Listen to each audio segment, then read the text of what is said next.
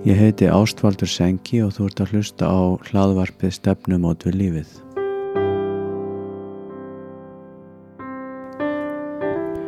Þessi ræða heitir Steinkona fæðir barn um nótt.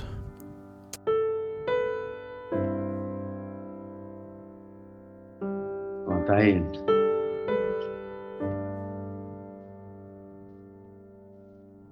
Þið sem heima sitið. Einhverjir með okkur núna? Það er ekki með okkar, þannig að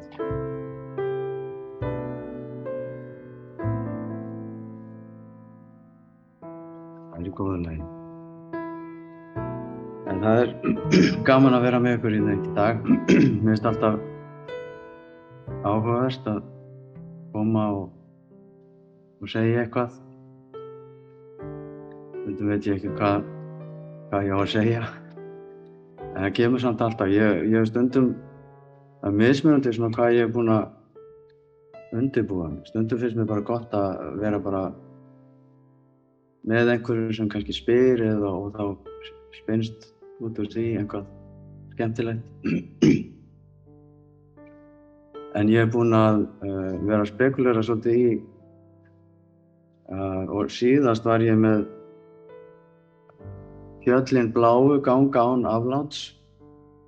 Já, það var það sem að, var það ekki það fjóla sem að við vorum að fjöllin og, og vötnin og, já.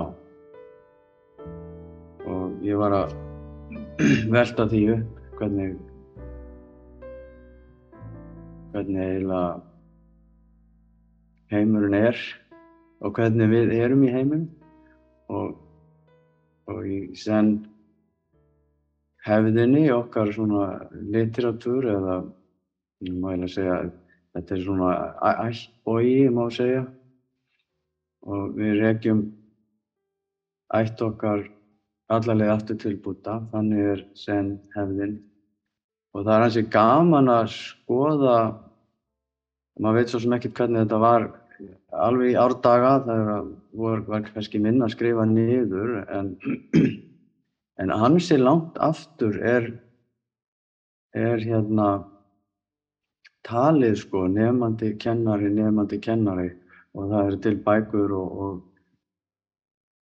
þar sem að þetta er allt saman taliðu ásamt svona uppljómunar kóan hvers kennara.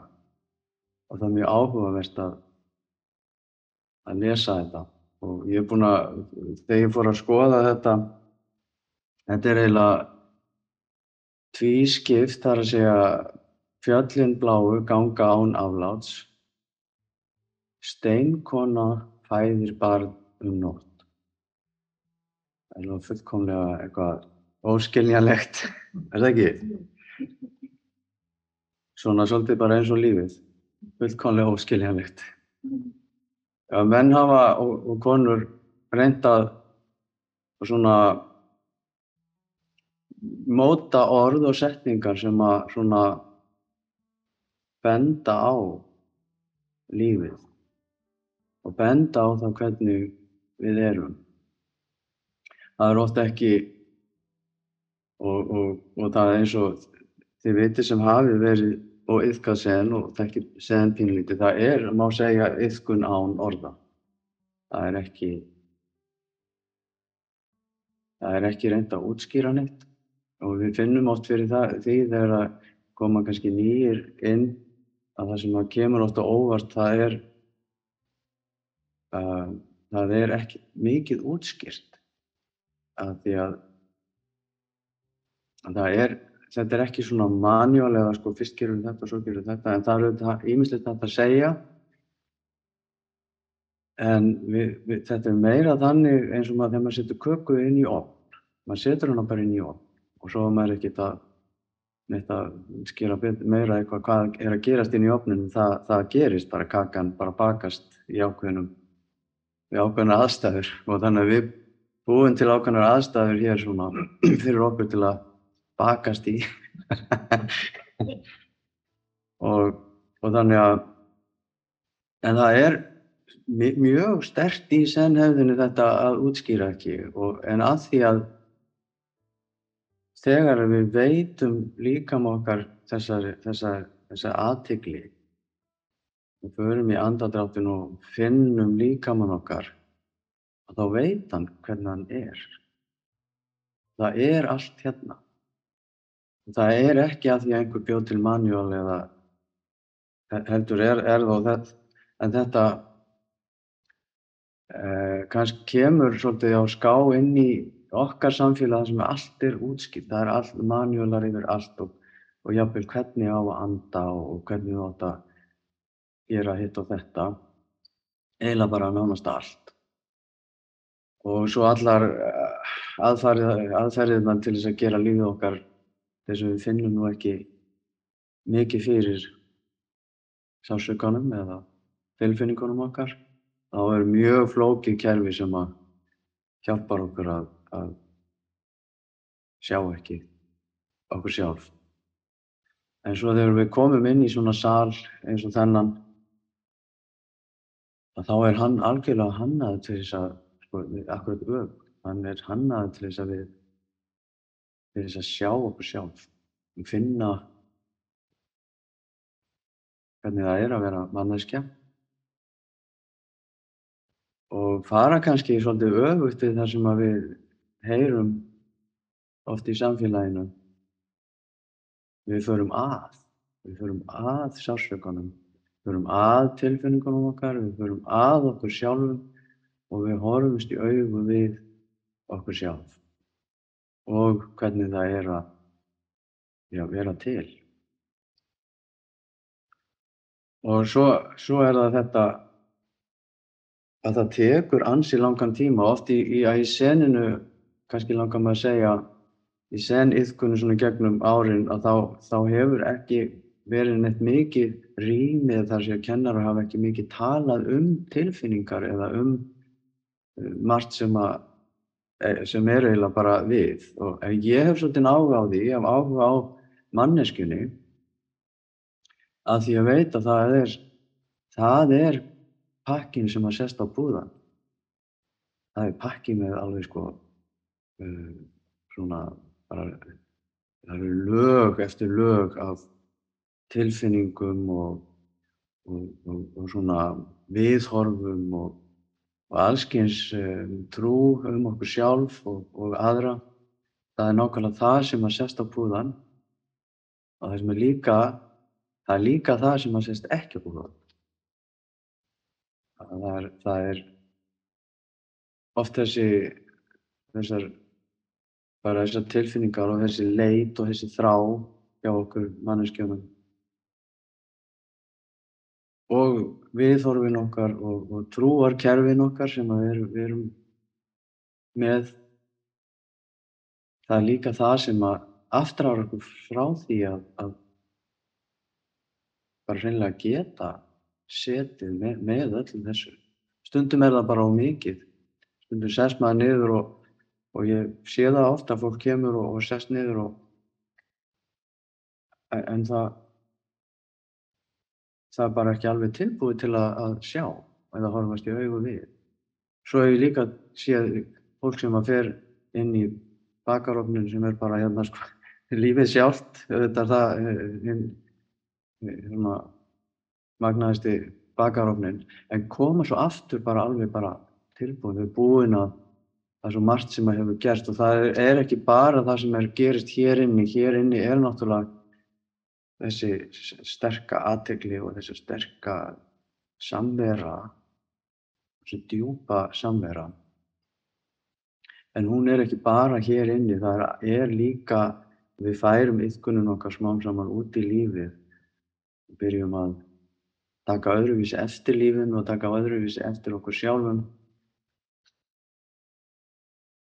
Og hvernig, hvernig okkur líður. Mér finnst svolítið eins og hérna, skilabóðin frá samfélaginu er hérna, þegar mannum líður illa eða eitthvað kemur upp á að þá eigi maður helst ekki að vera gerðið bara þetta ekkert vera að horfa á þetta, gerðu bara þetta eða í staðin fyrir að vera miserable, farið þá bara út að hlaupa eða svo búum við oft til alls kyns svona prógrum í kringum þetta sem að hjálpa okkur að sjá ekki og þar erum við mikið. Og, og þetta, ég, ég hef sagt frá því áður hérna þegar að að það var, þegar ég tók þátt í þessari könnun varðandi COVID og þá var, var spurt hvernig, hvernig COVID og allt þetta hefði haft áhrif á mig. Og svo voru margar spurningar eh, um líðan og annað. Og svo kom eins merkileg spurning sem ég fannst hvernig gengur þér að leiða þetta allt saman hjá þér? Og það átt við hvernig, kannski hvernig hvernig gengur mér að, að svona fást við þetta allt saman og það var ekki hægt að segja já, ég geri það með því að leiða það ekki hjá mér eða ég geri það með því að fara að. Þannig að leiðin út úr þjáningunni eða leiðin út er að eða leiðin út er inn. Þannig að þess vegna er bara mjög erfitt að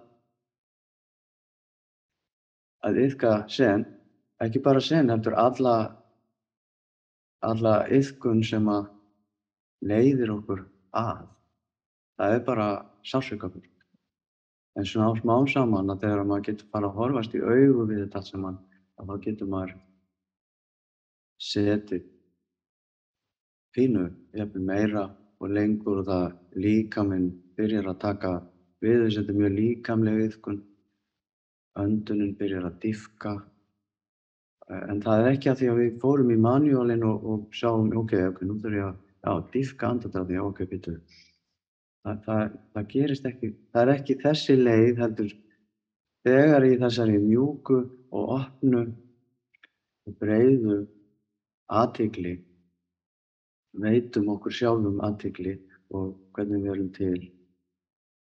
Að þá gerist, þá bakast kakan. Þannig að það er það sem er er, er ofsalega fallegt við seniðkun en það er líka bara, og ég skil það óskup vel þegar einhver bara er er bara ekki tilbúin að vill vera í þarf að vera lengur í afnýttuninu sinni og þarf að vera lengur í er ekki tilbúin til að sjá eða opna um en það er opaslega mikil heilun sem fylgist í að opna augun. Og það er einmitt líka ekki þessi heilun sem er þannig að maður þegar maður fer honni í verkværakistunum sín og næri einhvað og helðir einhver skrúu eða en þetta er heilun lífsins þetta er, þetta er andartaki sem er í sjálfum sér heilt alltaf heilt sama hvernig okkur líður og sama hvað bjátar á. Og þaðan er orðið heilbrigði komin og þaðan er orðið heilbrigðiskerfi er, er dreigið af orðinu þessu, þessu að vera heill. Og þegar við heilsum einhverjum þá segjum við þá orkum við einhverjum þess að vera heill. Og við áskum honum og við komum til góðrar heilsu. Og það er mjög fallit að heilsa. Ef við heilsum einhvern á þann hátt þá heilsum við að þegar við heilsum í, í zen buddhisma þá setjum við oft hendurna saman og við gerum svona. Og, og við gætum hugsað okkur það að þetta er eitthvað, það er þetta margbreytileikin, þetta marga sem að við setjum saman í eitt og gerum búin til heild og við segjum þú ert heil eða við erum heil. Og ég sé heillekan og ég heilsa heillekanum og ég fagna þannig okkur tveimur sem erum að heilsast og þannig heilsa ég ykkur í dag. En svo hafa verið í gegnum tíðina eins og ég talaði um áðan þessi ættbógi, kennari, nefandi, kennari, nefandi alveg aftur til Buddha og ég segi það stundum og að Buddha var þýðir bara að vakna manneskjan sem vaknaði. Buddha er bara, já, sem þýðir að hann vaknaði einhvern veginn til þess að heilleika til stundarinnar. Mér fannst það, og ég hugsaði líka að, að því að hvernig ég byrjaði á þann með, með það hvernig við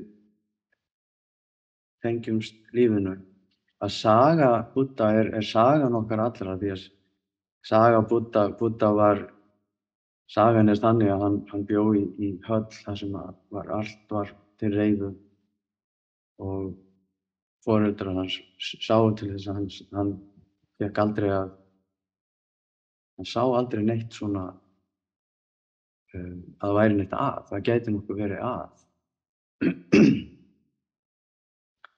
Og ég hugsaði með mér, já höllin er eins og, eins og samfélag sem, sem passar okkur að við nú er þið illa þannig að við gerum þetta þá bara ekki vera að horfa þannig það, það var allt gert til þess að hann sagði liti ekki á sjálfan sig. Og ég segi hann, mér finnst þetta alveg skilja, þetta er hann eða hún auðvitað, þetta er bara manneskja sem að gem og, en, en þessi manneskja hún finnur þessa þrá og byrjar að, og það er hinn hin, uh, stórkostlegi evi sem er í okkur the great doubt. Líka tala um að, að við byrjum að efast um að þetta að það sé allt svona að það sé eitthvað meira heldur en bara þetta. Og, og þá og bodhicitta eða hugurinn sem leitar leiðarinnar hann, hann byrjar að verða forvitin og það var það sem gerist hjá Buddha að eina nóttina þá hann hugsaði með þessi þetta getur ekki að vera svona. Þannig að hann fór út. Og, og hann eiginlega hann lætist út. Hann hefði gett orðið kongur í, í þessu ríki. En svo kemur það sem að mér fannst áhugavert, það sem, að, það sem hann gengur og hefur hef bara, eins og sagði, hefur bara aldrei sé, séð neitt bara fyrir utan höllina. Og þarna var náttúrulega bara einhverju skítuðir vegir og, og hann gengur fram á veika mannesku, bara farsjúka mannesku. hann bara, hva, hann har aldrei séð það, að hann gengur áfram og þá, þá sér hann gamla mannesku. En, en það, það hafi passað upp á það að hann sagði aldrei gamla mannesku. Svo gengur hann áfram þá sér hann dána mannesku.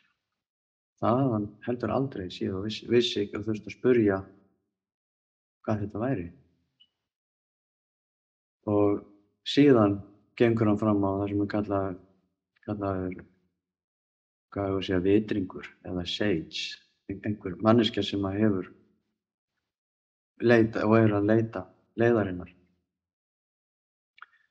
Og mér fannst þetta alltaf, já, já, hann sá þetta mann, en svo spyr ég sjálf um þetta, sé ég þetta? Sé ég minn óvaranleika, sé ég það að ég geta öll að orðið veikur og hef oft orðið veikur og, og ég get orðið bara mjög veikur og og ég það er að rennum fyrir mér jú, ég er eldri heldur en ég var áður og ég og dáin manneskja er ég að lifa samkvæmt því er ég, sé ég dauðan sé ég sjálf á mig sem dauðlega manneski vegna þess að ég held að í höllinni eða í þessum þá er líka passað upp á það að við sjáum ekki við sjáum alltaf ekki fólk sem deyr það deyr bara það er drifið inn á spítala og það er lokað inn og það er deyða. Það er svolítið öðruvísi held ég heldur en að kannski hafa upplifað að það var kannski bara einhver innar á, á ganginum inn í herbyggja að deyja. Kannski afi eða amma eða sískinni eða eitthvað. Og, og við vorum meira innan um fólk sem varð veikt og, og við sáum hvernig það er og þannig að allt í hennum fór ég að þetta fór að koma þetta upp, þetta að, að virkilega sjá. Og ég held að, ég held að við reynlega við lifum eins og rauninni enginn sé morgundagurinn oft. Og við hefðum okkur oft þannig eins og við séum eilíð og við erum ekki tengstum við, við að það að lífið er mjög stutt og það er mjög viðkvæmt. Og þetta eru þessi tengsl sem að vaksa og þróast í bakarofninum okkar hérna. Og, og menn og konur hafa auðvitað. Mér, mér finnst alveg sama, ég hef því tala, þetta er auðvitað bara það sama sem ég ætla að bara koma mér að efninu líka. Að ég hef líka tengingu þarna yfir, ég ætla að tala um steinkonuna sem fæðir bad um nótt. Og ég ætla að tengja það yfir í, líka yfir í kristnina. Af því ég held að þetta er ekkert eitthvað, eitthvað sér, eitthvað sen fyrirbreyði. Þetta er mannlegt. Þetta er mannleg forvitni. Þetta er, þetta er það að vera manneskja. Og Fuyo Dokai, hann var uppi um kringum eða 1100 eða 10.043 til 1118 og Fuyo Dokai hann kemur með þessa skemmtilegu setningu og til þess að, og þetta er ekki bara að því að hann, og reyndar er það, það steinkonan, hún er eldri, hún, er, hún er, hefur verið í okkar hefð og í, í hérna, Dongshan segir í, í, ég veit ekki hvernig maður segir það, Jewel, sama, The Song of the Jewel Mirror, Samadhi, eh, söngur eh, demans speilsins. Samadhi er síðan þessi aðtikli sem við höfum á búðanum. Þar, þar segir hann meðal annars spýtukallin hefur bröst sín á syngur og steinkonan stendur upp og dansar. Og þarna skulum við aðeins kíkja á steinkonuna. Hvað, hvað sé, hvað er, hvað er í þessu steinkona? En Dogen Sensi segir líka að það eru steinmaður og það er líka stein, hvorki maður, nýja kona. Þannig að við erum að setja saman ófrjóleika eða eitthvað sem gefur ekki af sér og frjóleika. Eitthvað sem, af, eitthvað sem fæðir og, og þarna er þess að steinkona og svo, svo fæðing sem að auðvitað passar ekki svona inn í okkar hugsun. En það er kannski svolítið svoleiðis ef að maður hugsa um þessa stund. Ef við virkilega förum að þessari stund og við skinnjum það djúblega, það er ekkert á undan og ekkert á eftir. Samt fæðist. Það samt fæðist stundin heil. En þetta er ekki svona fæðing sem að við, sem að hugurinn getur skilið. Þannig að okkar huga er bara, er, er móðir sem fæðir bann. Og í okkar huga er þá komið eitthvað tvennt. En í hennum algjölda veruleika sem er alltaf hérna í stundin okkar, þá er ekkert tvennt. Allir hlutir þurfa að rísa samtímis. Það er þarna sem að hugurinn okkar stoppar svolítið og það er svona, svona setning sem segir steinkona fæðir barn um nótt. Barnið, hvað er barnið? Það er þessi stund sem að hún þessi ólínulega stund fæðir af sér. Það er stundum talað um þennan lóði þetta tíma. Ég, ég man eftir því bara og ég veit ekki með ykkur, ég man eftir því þegar ég, ég var búinn að hugsa um þetta rosa lengi að það væri ekkert fyrir og ekkert eftir. Og mér fannst ég vera búinn að samþykja það. En svo var ég að lesa bók sem að eftir Katakiri Roshi sem að heitir Each Moment is the Universe. Og það var, ég man ekki alveg hvaða setning það var, inn í miðri bókinni þegar það bara svona heldist yfir mig þessi sannleikur. Og ég var svolítið hissa vegna sem ég fannst ég hafa alltaf hafa skilið það. Fannst ég alltaf hafa skilið já já ok, það er ekkert það er ekkert fyrir og ekkert eftir. En það bara er ekkert, ekki eitt sekundu brot á undan hvorki undan ég eftir. Hvernig getur þetta verið? Það hefur engu tekist að vera til nema í þessu tíma leysi sem hefur ekki einn miljónust úr sekundu á undan eða á eftir. Og ég man hausin á mér bara svona opnaðist og ég mér fannst ég finna bara allan allan heiminn vera að gerast núna bara. Og ég líka bara. Og þá skildi ég að þetta er ekki ég gat ekki sagt það, ég gat ekki skilið það. Gat ekki útskýrst af frekar en núna með einhverju svona en það sem kom var og ég hef stundum bara það sem er að gerast í heiminum bara Putin og, og allt þetta þetta er alltaf að gerast núna. Ég veit ekki alveg hversu djúplega við skiljum þegar við bara erum að stríðið er núna.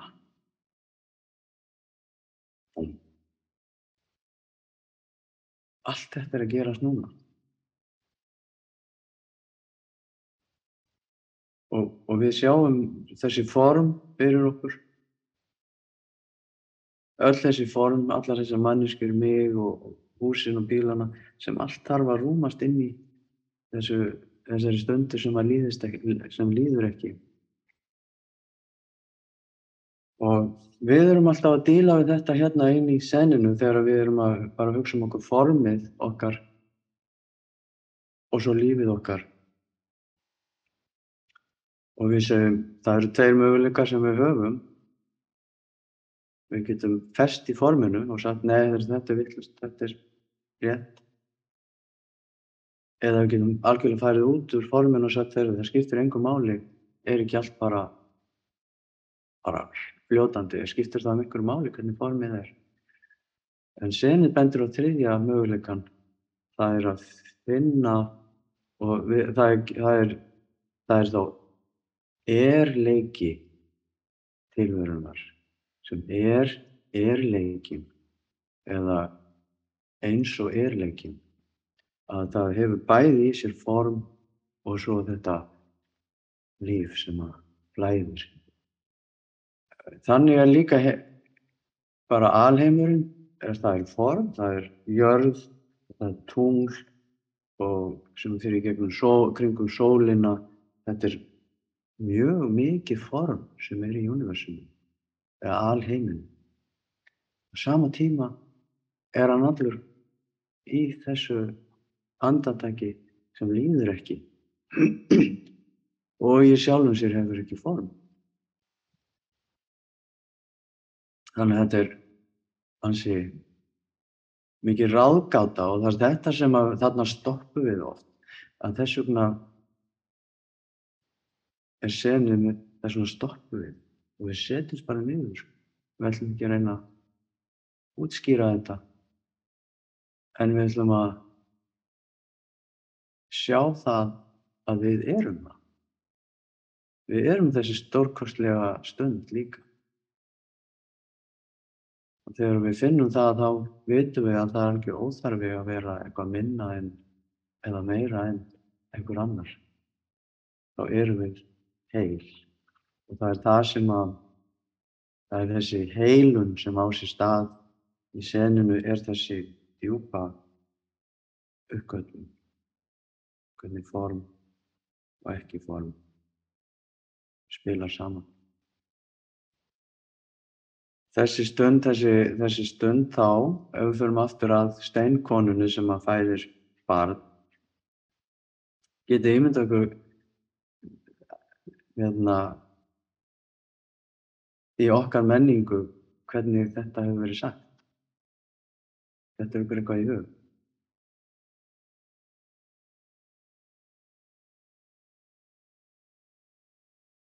Mér finnst meifæðing vera þessi saga að Marja mei fæðir barn sem er eingetið. Hver er, hver er þetta barn? Það er ég. Það er þið. Það er Jésu Kristur. Og þetta er bara, mér fannst þetta bara stórkostlegt að, að geta allt í hennu skilið þetta því að ég held að kristnin geti sagt þetta og segið þetta en við leifum okkur aldrei að fara á dýftina.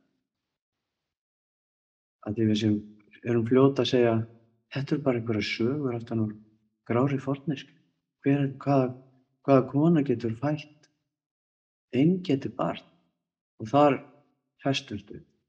Og þar erum við. Þar erum við svolítið mikið. Hvað sem að, í, í þessari sögu eða einhverja annari sögu. Uh, þessi stund er einn getin. Við erum einn getin. Við, það er ekki þessi venjulega fæðing sem er línuleg.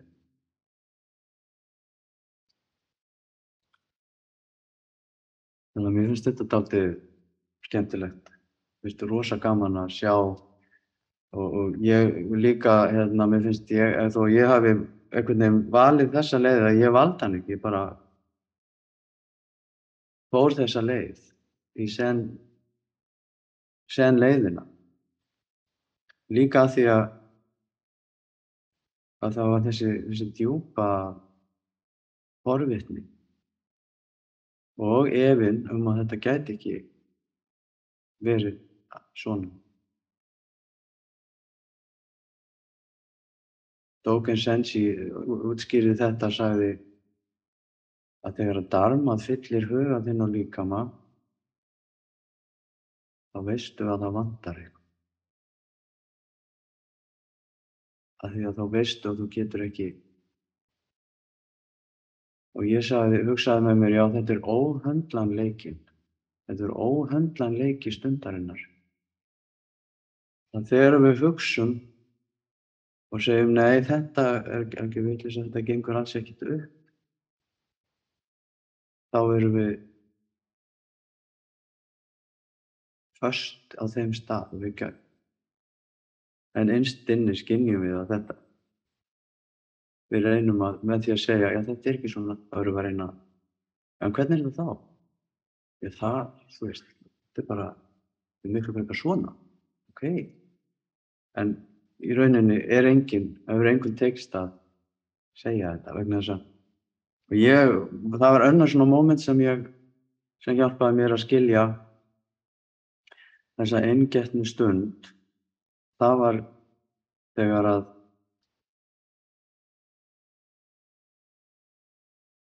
þegar ég hugsaði með mér íslenska orðið aðskilja sem þýðir að aðskilja.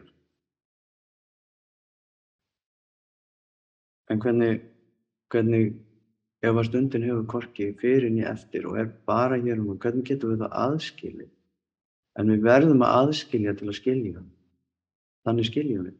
Og það er afstæður hugur. Þannig að við fáum, verðum að fá Við verðum að make a sense út úr þessu öllu saman í þessari stundu sem er gjörsamlega opinn og flæðandi og er bara hér og lífur alls ekki neitt. En við búum okkur til kerfi sem að segir, já, ég er 56 ára þú veist eitthvað og, og þannig að þetta er heilt kerfi sem að við, sem er bara okkar heimur. Það er það sem við búum til úr þessari, ég er 55 ára, já, ok. ég veit aldrei hvað ég er gammal en það er stundum hef ég sagt að ég sé miklu yngri og stundum er ég aðeins eldri, núna var ég aðeins eldri til dæmis. Ég held ég að mest farið upp í, ég hef tvö að þrjú, þrjumur árum eldri en ég er. Sko. En það er bara svolítið sem mér. En kerfið okkar er, við höfum búin til e, e, svona kerfi og þar erum við, við búum í þessum heimatilbúna heimi. Þar berjumst við og, og, og hérna, verjum þennan heim með kæft og klóm og öll, öll trúar kerfin okkar.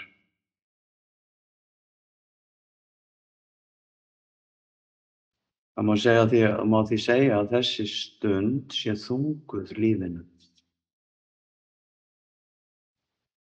Og þá kannski komum við að nóttinni. Hvað er nóttin? Reyndar fættist ég svo um nótt, það er reyndar. Nóttin var svo ágættinn. um, nóttin og myrkrið. Hver er munurinn á myrkri og, og ljósi? Svona grundallar munur er, er að í myrkri sjáum við ekki. Þar sem við getum ekki aðgreint. Við aðgreinum ekki myrkrinu. Því við höfum ekki, tækið sem við notum til að aðgreina er ekki, það er þannig aðstæðar að við getum ekki beitt í. Þannig oft er myrkrið uppljómunin. Eða mér fannst einhvern veginn betra að segja búta hugurinn, eða búta eðlið. Af því að Suzuki Roshi sagði, það var einhver spurning hvað er búta eðlið, búta, já búta eðlið, það er eitthvað sem er hér, sem er alltaf tilbúið að verða eitthvað nýtt. Þannig útskýra það. Og það sem við vorum að tala um áðan, speilin, líka stundum talað um þegar speilin er alltaf, og það er í, að hann speiklar bara það sem er fyrir framann hann, alveg sama hvað hann speiklar, það er bara hans eðli er að speikla. Og eðli stundarinnar er að vakna. Og það vaknar áður en við getum sagt eitthvað um hann, áður en við getum sagt ef þú er þú og ég er ég, þá er heimurum vaknaður. Þannig að í nóttinni fæðist, heimurum fæðist áður en við getum sagt eitthvað. Þannig að hann fæðist um nótt.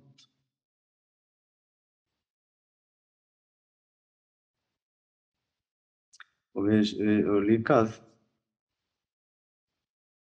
og það er ofsalega falleg hérna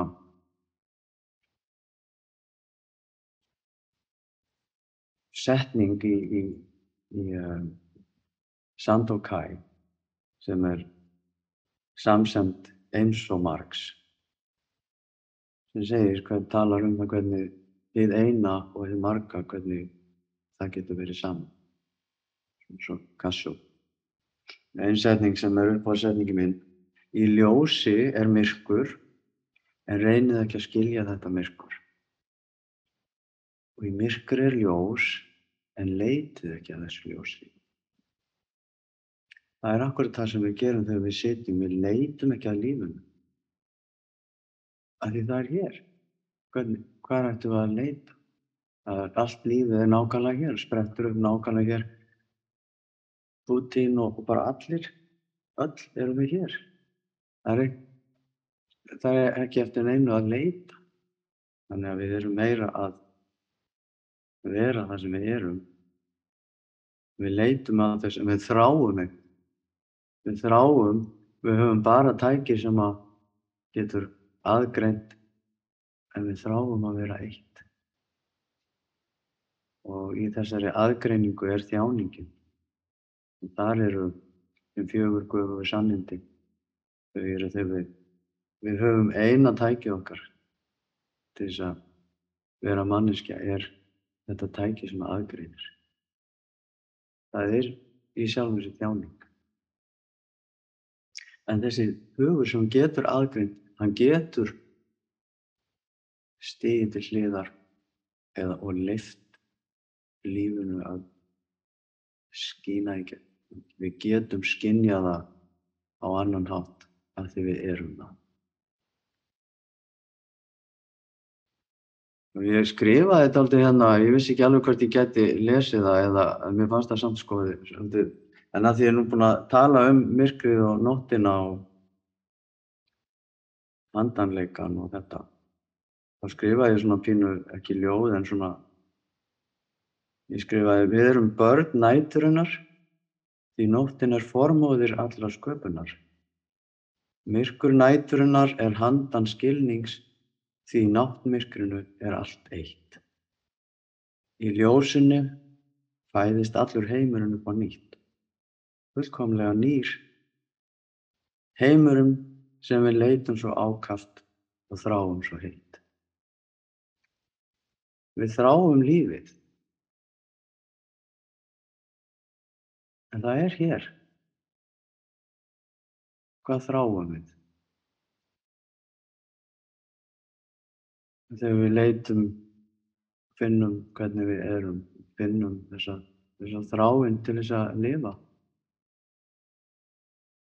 Og líka þegar að þegar við getum leift lífinu að lifa í gegnum okkur og við getum líka verið með þannan aðgreinandi huga að þá fáum við þetta tækifæri til að segja hver við erum. Af því að við höfum lífið er bæði fullkomlega tómt en á sama tíma er allt hér. Þannig að við, við fáum í gegnum yðkunum okkar tækifæri til að segja hver við erum sem manneskjur og við getum sagt sannleikan um okkur sjálf og við getum verið óhrætt að tjá okkur í lífinu. Og, og í daginn talaði, var ég að tala um, um sem Dóken Sensi talaði um þrjá huga, uh, foreldrahugan, hinn hin stórkostlega viðfeðma huga og svo hinn gleðilega huga á einsku parental mind, magnanimous mind og joyful mind. Eðlileg tjáning lífsins er gleði og það er mjög gleðilegt að þessi stund skuli vera akkurat eins og hann er. En í gegnum okkar tilfinningar og trúar system að þá er ekki víst að við séum alveg tilbúin til að sjá það því við sjáum allt út frá okkur sjálfum. Við séum hvað meinar um gleðilegt. Ég var að keira á klessukerði bílinn í kjær. Er það eitthvað gleðilegt? Hvað þarf að vera til staðar til þess að þú getur klessukerð bílinn? Lífið. Þessi stund þarf að vera svona til þess að við getum verið til og gert allt sem við gerum. og þá getum við bröðist pínu öðruvísi við erfiðum aðstæðum. Þegar við missum og þegar okkur líður ekki vel þegar eitthvað gerist. En það speglast allt í speiklinum stóra.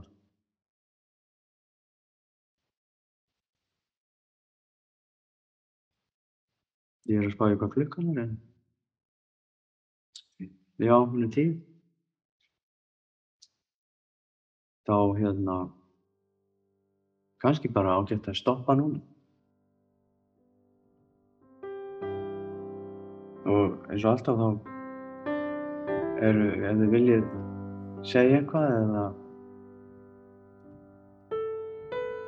stundum þyrlar það upp reiki þegar við erum búin að eiga mjög innilegan tíma saman, gera eitthvað sem að bendir á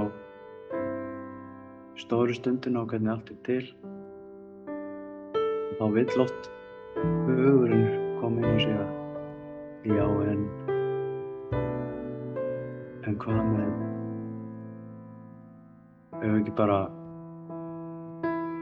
leifa þess að vera svona eins og það er